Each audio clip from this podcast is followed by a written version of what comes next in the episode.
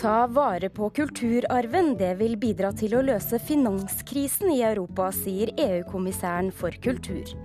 Norske produsenter krever et svar fra justisministeren på om kildevernet til norske dokumentarister skal sikres.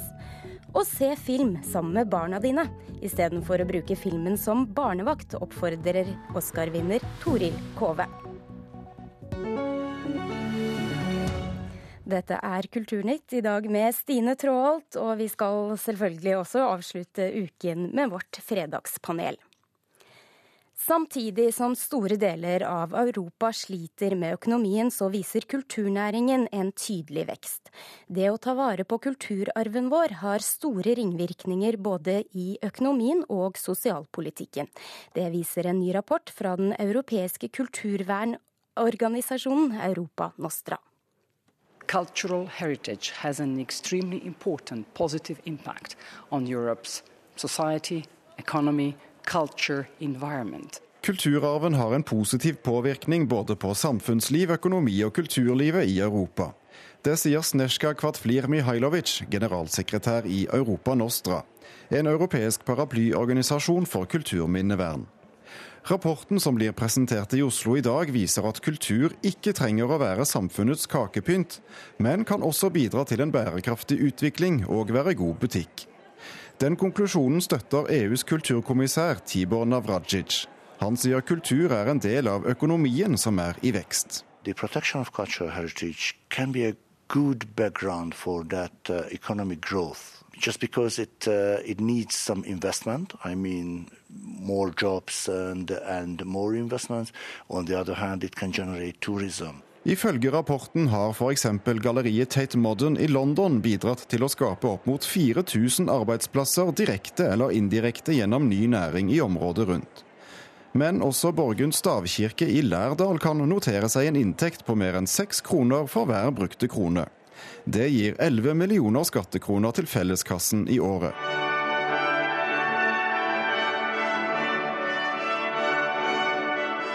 Europa Nostra inviterte i går kveld til høytidelig prisutdeling i Oslo rådhus. Og restaureringen av Eidsvollsbygningen var blant prosjektene som fikk heder og ære. Direktør Harald Nikolaisen i Statsbygg bekrefter at det trekker nye besøkende å bruke penger på et kulturminne som Eidsvoll. Altså i året, altså Jubileumsåret 2014, eh, hvor vi åpna bygningen, var jo helt eksepsjonelt. Det var en stor økning i besøk. Det var faktisk eh, fullt hele året. Og Vi ser jo at den økningen fortsetter inn i, i 2015, selv om det selvfølgelig skal mye til å toppe 200-årsjubileet for Grunnloven. Samtidig viser rapporten fra Europa Nostra at det er viktig å se kultur og kulturarv i et større bilde enn bare nye måter å tjene penger på. EU-kommissær Tibor Navrajic mener mye av bakgrunnen for finanskrisen Europa står midt oppi, skyldes at vi har sklidd bort fra vår egen kulturarv.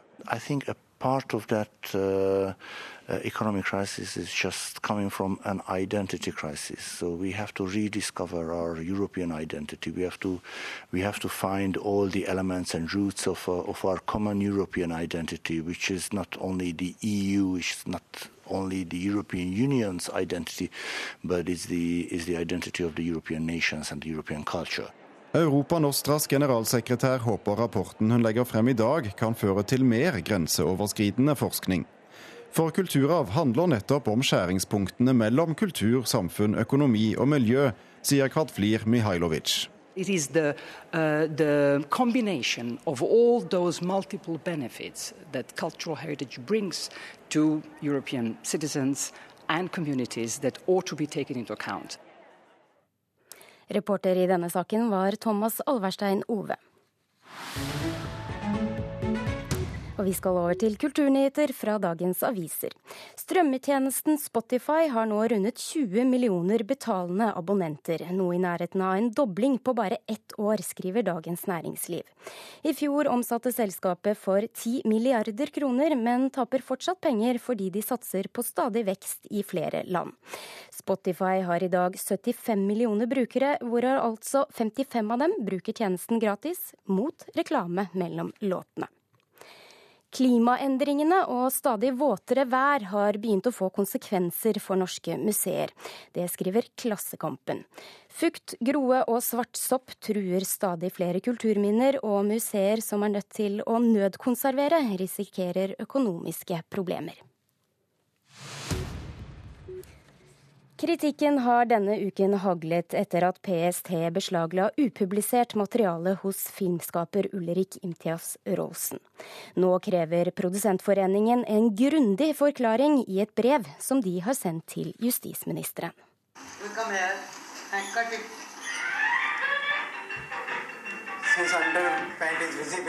Bildet fra et fremmed land ruller over skjermen på Mac-en til filmskaper Håvard Forsum.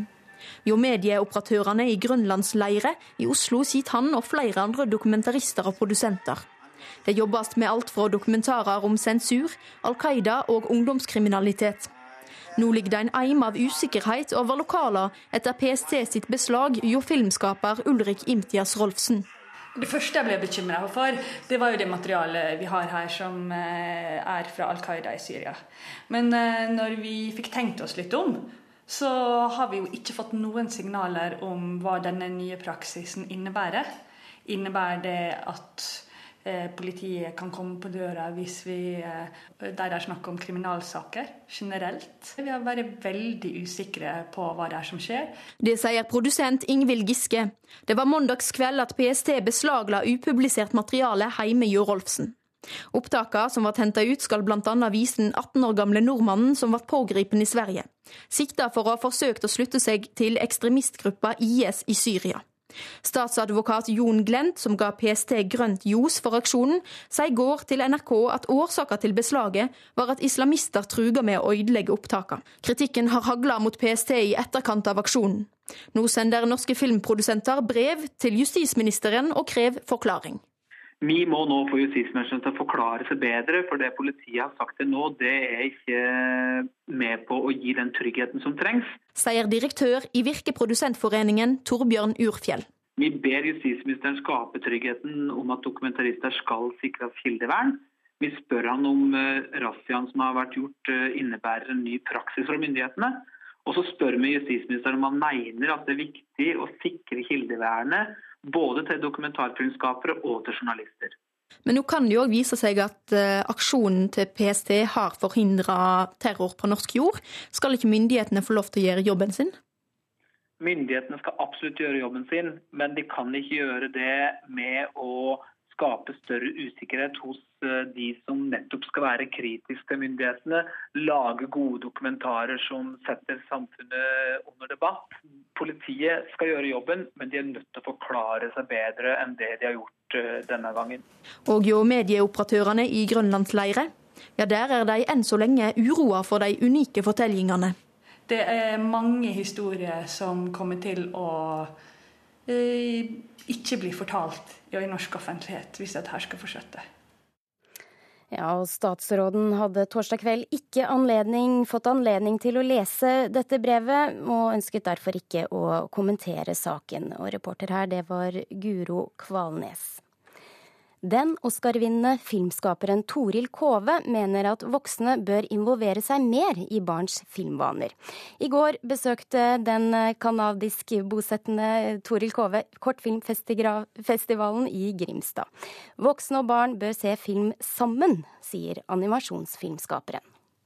For de som leser for barna sine på sengen, så er det jo ofte sånn at man leser en bok, og så begynner man sånn ganske sånn automatisk å snakke om den. og mens jeg tror at med film så er det ofte sånn at man liksom dytter barna bort. og så kan, Nå kan du se på en film, så jeg kan gjøre noe annet.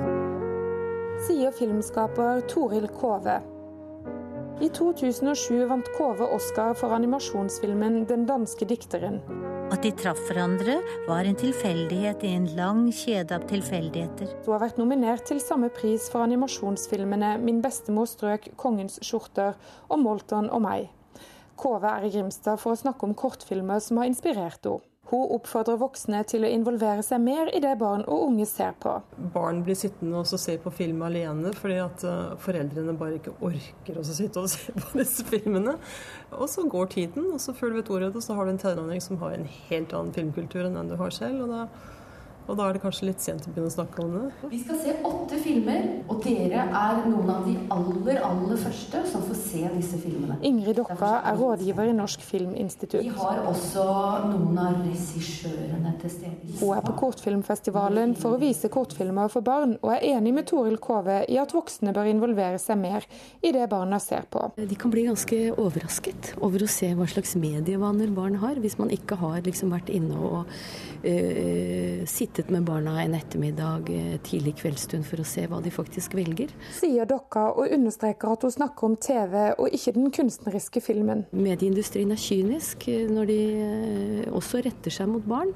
Det er masse produktreklame, det er masse sementerte kjønnsrolleholdninger, det er mye tvilsomt språk. Vil vi virkelig at barna våre skal, skal formes av dette? Skjermtid trenger ikke å være negativ. Det sier forsker John Kjøbli ved Atferdssenteret. Foreldre og voksne kan se på TV og skjerm i lag. Da kan det være kvalitetstid sammen, rett og slett. Kjøbli mener barns tid foran TV-en og andre skjermer bør begrenses til rundt en halvtime om dagen. Vi har jo så få timer med ungene våre hver dag. Kanskje man skal prøve å, begrense sånn at kanskje barne-TV rundt der er nok. Kanskje man kan tenke at man ser på film med barn litt på samme måte som man leser bøker for dem?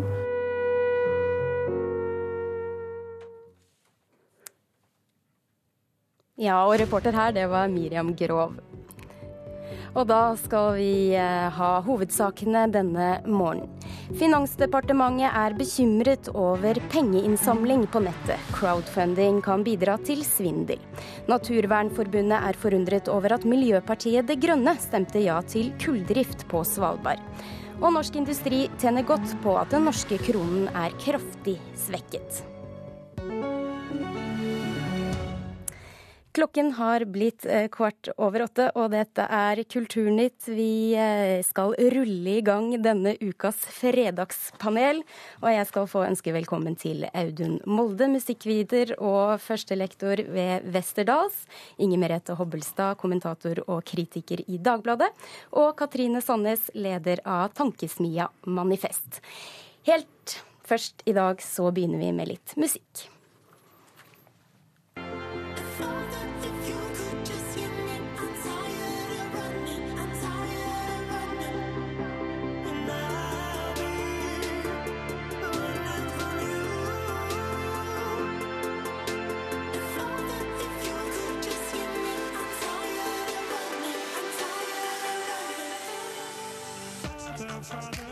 Ja, dette er Father med artisten Tooji. Han uh, slapp denne uka denne nye singelen. Og i um, en musikkvideo så spilte han rett og slett inn en sexscene i kirken foran alteret. Uh, og det har um, fått blandede mottagelser. Så spørs, første spørsmål i dag det blir var det riktig av Tooji å spille inn en sexscene foran alteret? Begynner med deg, Inger Merete Hobbelstad. Ja, det syns jeg. Nei. Ja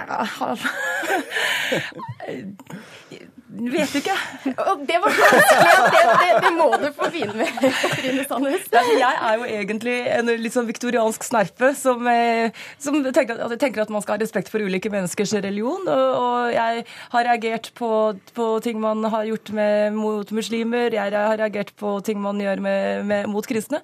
Og det er sannsynligvis fordi det å tro er så fremmed for meg at jeg tenkte at dette skjønner jeg ingenting av, så det må man ha respekt for. Og Samtidig så har jeg veldig stor forståelse for, eh, for at eh, det fortsatt fins et sterkt behov for å, for å ta, et, ta, et, oppgjør med kirkens holdning til, eh, homofil, til homofile.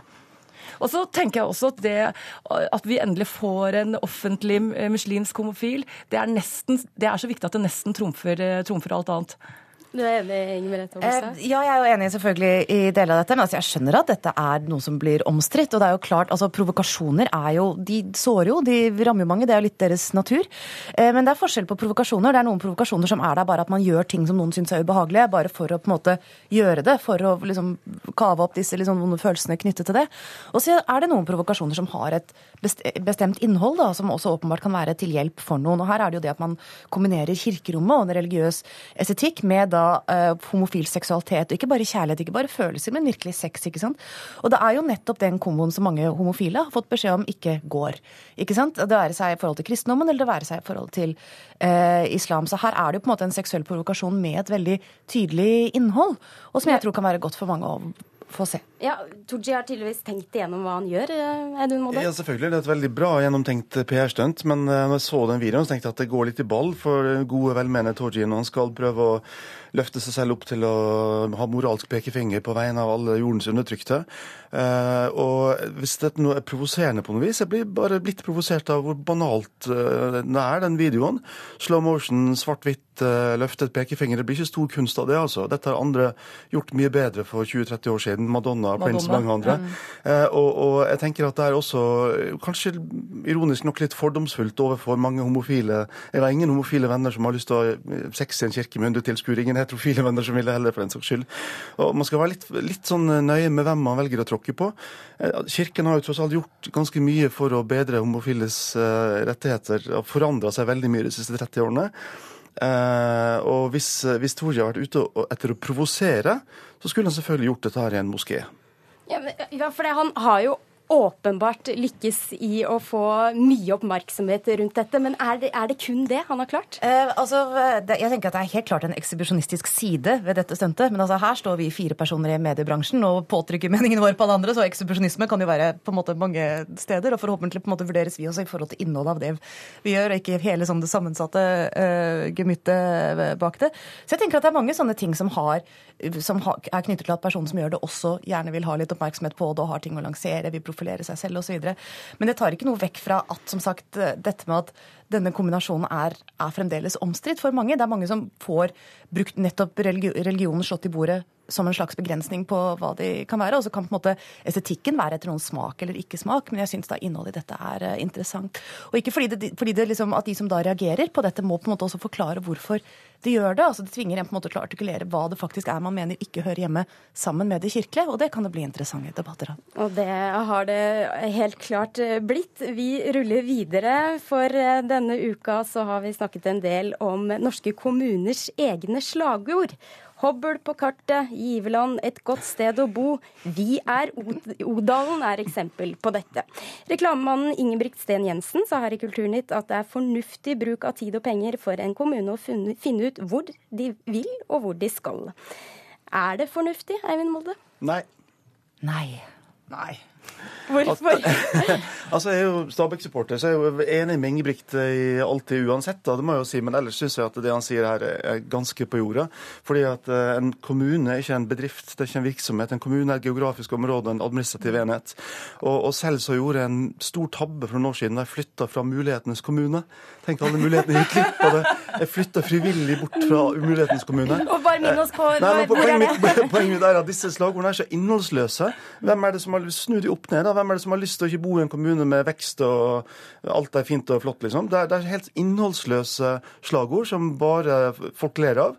Eh, og, og som vi så på Dagsrevyen, folk som bor i kommunen aner jo ikke hva slagordet er heller. Så det er bare Unnskyld, det er bare tull. Men samtidig så har det jo ført til at man har satt seg ned og tegnet ned på et ark hva som er viktig for en, hvor en vil og skal. Inger Merete Hobbelstad, det kan jo ikke være så galt. Uh, nei, altså det er jo greit å på en måte ha en retning og en strategi, enten å komme seg gjennom fra dag til dag. Uh, jeg så for øvrig og tenker at noen burde ta slagordet 'Umulighetenes kommune' dit. Jeg skal prøve, prøve, å flytte. Men jeg er jo helt enig med siste taler her. Altså Dette er jo ord som i praksis har ingen betydning. Altså Vekst, mangfold, det kan bety absolutt hva som helst. Uh, så det er jo ikke noe som på en måte vitner om noen sterk karakter eller liksom noe, noe særprega på noen måte. Og ikke minst kan det brukes faktisk som hersketeknikker. Altså Hvis dette er retninger man liksom skal samle folk om, så er det svært uklart hva de betyr. Og dermed kan man også på en måte bruke det mot folk hvis de ikke gjør noe eller gjør noe om at de ikke lever opp til dette slagordet. Og det, ja, det kan misbrukes på mange måter også. Og jeg så på slagordet til Kvinesdal kommune her. Det er 'vakker, vennlig og vågal'. Det kan vi jo gi til Tooji. Katrine Stavnes, hvorfor er du enig her? Nei, det er, jo, det er jo virkelig bare tull. Men altså, det som kan ha noe for seg, som, eh, som jeg har vært inne på, det er prosess. Altså Det å ha en prosess hvor eh, kommuneansatte føler at man får eierskap til det samme prosjektet, eh, og at man, skal, og at man er enig om i hvilken retning man skal dra, og, og har en bevisstgjøring rundt det, det har noe for seg, for seg på alle arbeidsplasser. Ja, så er det veldig lett å stå og le av disse typer slagord når man drar det ut fra en sammenheng sånn, og Visdomsord kan jo ofte være litt banale, da. Ja, men Sten Jensen sa jo også i intervjuet at uh, disse, han innrømte jo til slutt at disse slagordene er bare kakepynten. Men poenget mitt er at de i seg selv skaper ingen kakepynt. De, de blir bare dumme. In innholdet, hva kommunen gjør for innbyggerne sine, er jo selvfølgelig noe helt annet. Men det kan du ikke si på en sånn vill, vakker og vågal, eh, kjekt og fint type setning. altså. Fins det noe ideelt eh, slagord? Hva burde det være, da? Det burde i hvert fall noe, være noe som vitner om et visst særpreg. For, altså det, for å også liksom være enig med Katrine her, det er jo at altså Fellesskap må man jo bygge. ikke sant? Man må jo skape felles referanser og prosjekter som folk kan slutte sammen om. Det kommer ofte ikke helt av seg selv. Men da må det også være noe som på en måte ikke bare gir assosiasjoner til hvite kontorlandskap og rundskriv. altså Det må være noe særpreg og personlighet i det, og det er det vel men sats, sats på Melhus var ganske morsomt. morsomt eh, tror jeg det har eh, i hvert fall blitt for eh, en del av oss. Vi skal videre og snakke litt om kunst. For mange gallerier de skremmer bort publikum med omtalen av utstillingene sine. Det mente en kommunikasjonsekspert og Stavanger Aftenblads kommentator Jan Zahl, som startet debatten. Eksempel på det han snakker om, det skal vi få her nå. Her interest in natural science and her cyclic rather than linear conception of time. Is the artwork lost in a thicket of explanatory text and benevolent pedagogy? Come together in a subjective narrative that balances the physical reality of objects in space. Ja, og så mente en gallerist da, som Kulturnytt snakket med, at eh, det er folk selv som har fordommer mot kunst. Er det publikum som er eh, fordomsfulle her, Katrine Sandnes? Ja og nei. Nei. Nei. Hvorfor ikke? det er alltid en dårlig idé å kritisere publikum, syns jeg. Men det som uh, han Sahl påpeker, det er vel at jeg syns det er et vanskelig språk. Da, et veldig akademisk språk. og mye... Men altså, husk at det, det er to ting her. Det ene er at veldig mange moderne kunstobjekter i seg selv er jo ganske enkle, og en del av kunstverket er språket man legger det inn i. Altså Måten man snakker om kunsten på, og den konteksten som man legger det inn i, er en del av verket selv. Men så for det andre så har du jo på en måte markedsføringen av det, eller måten å nå fram til publikum, som bør være en helt annen type språk. Jeg tror det blandes litt sammen her. Katrine Sandnes, fikk du noe ut av dette eksempelet som vi hørte her, da? Ja, Jeg har jo jobbet med sånne ting som dette i mange år. Jeg syns ikke det var så veldig vanskelig. Men, eh, men, jeg er jo også enig i at det er jo utrolig mye tøys som skrives. Men, eh, men jeg syns at kritikken altså av samtidskunst som en helhet blir altfor vid til å egentlig bli treffsikker. Det fins uh, tøysete, jålete samtidskunst, og det fins uh, veldig, veldig god samtidskunst. Og de er, uh, det er et så enormt stort spenn innenfor, innenfor samtidskunsten. At det blir jo det blir som helt meningsløst. Det blir som å snakke om, eh, snakke om popmusikk, liksom. Og jeg, jeg, for min del synes det var veldig deilig å lese Sahls uh, tekst. Han satte ord på en følelse jeg selv har hatt uh, mm. mange ganger. Altså Det at du står der med en tekst og et kunstverk, og du, du vet ikke hvor du skal begynne å assosiere engang. Altså, jeg vet mm. ikke hva, hva er det meningen Jeg får ingen ideer eller tanker eller farger eller følelser. Det er litt sånn ordene. Nei, jeg har opplevd, jo, jo, men jeg, jeg, får, altså, jeg har hatt mange opplevelser. med dette. Altså, selvfølgelig ikke, og Det er også litt av problemet med teksten hans. er at altså, Han favner jo for vidt. Det er jo en for stor sekk. For du har kunstnere for f.eks. Matthew Barney eller Richard Prince, altså, som har, ikke sant, hvor man får veldig mange ideer og tanker av å se på det, hvor de refererer til noe utenfor seg selv. Men jeg deler nok opplevelsen av at det er en ganske stor del av samfunnskunsten som har blitt veldig intertekstuell. Dvs. Si at den først og fremst på en måte refererer mm. til seg selv mm. og til kunstdiskusjonen. Og at det som på en måte er fremheves som essensen i det, er liksom hvordan det kommenterer kunst som sådan, og hvordan en kunstnerisk effekt eh, kommer frem. Og det kan være, og da kan forbindelsen til på en måte det virkelige liv da, mm. eh, bli ganske svak. og man, Det er vanskelig å finne liksom referanser og knagger og hekte på det man ser utenfor kunstverdenen selv. Teksten blir en del av kunstverket. sant? Er det ikke så litt typisk også for billedkunst, eh, denne sjangeren? Ja, det, er, det er moteretning innen, innen samtidskunsten. Og den, jeg er helt, helt, enig i det. at Den kan bli, fort bli veldig intern og veldig, eh, veldig Men hvorfor lukka. blir det sånn i samtidskunst? Nei, men altså alle, alle, kunstretninger har jo, har jo hatt uh, moteretninger uh, hvor, hvor, man har lukket seg inne og holdt på med sine små, rare, eksperimentelle uttrykk. og Det er, det er en viktig del av utviklingen, utviklingen, av det. og Det er alltid vanskelig, vanskelig, å se det når man holder på. og Noen ganger så ser man i ettertid at det var et blindspor. Men man har, det er jo ikke bortkasta. Men hvordan skal vi få slutt på dette problemet? Svaret er nok at noen må lage en provoserende video hvor de har sex på Nasjonalgalleriet, og så får vi orden på sakene. Det har, det har, jeg føler at det har garantert vært gjort før en gang. Antagelig allerede i 1962 ja, eller noe. Av, uh,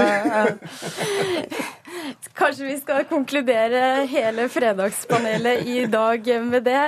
Jeg vil eh, få takke Audun Molde, Inge Merete Hoppelstad og uh, Katrine Sandnes for at dere gjestet Kulturnytt i dag. Ja, og med det så nærmer Kulturnytt seg slutten. Eh, og i dag så kunne du høre oss fortelle at EU-kommissæren for kultur mente at kulturarven kan bidra til å løse finanskrisen i Europa. Og du kunne også høre at norske produsenter krever et svar fra justisministeren på om kildevernet til norske dokumentarister skal sikres. Og vi hadde også snakket med Oscar-vinner Toril Kove, som var på besøk i Grimstad under Kortfilmfestivalen, og snakket om at voksne bør se film sammen med barna sine, istedenfor å bruke filmen som en slags barnevakt. Flere kulturnyheter de finner du på nrk.no kultur. Eh, teknisk ansvarlig i dag var Guri Hertzberg Finnsveen. Og produsenten heter Birger Kålsrud Jåsund. Jeg heter Stine Tråholt, og vi er tilbake i neste på mandag, faktisk. Og da kan jeg bare ønske en god helg.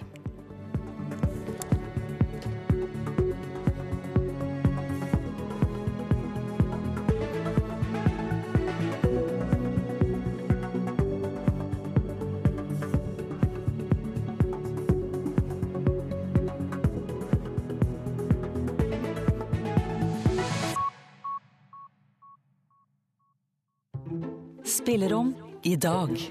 Daniel Herskedal har reist med tubaen sin fra tradjazz til moderne jazz, og spilt med alt fra korps til strykekvartett. Nå har han landa i Studio 15 for å spille for oss i spillerom, nettopp med strykekvartett og trio.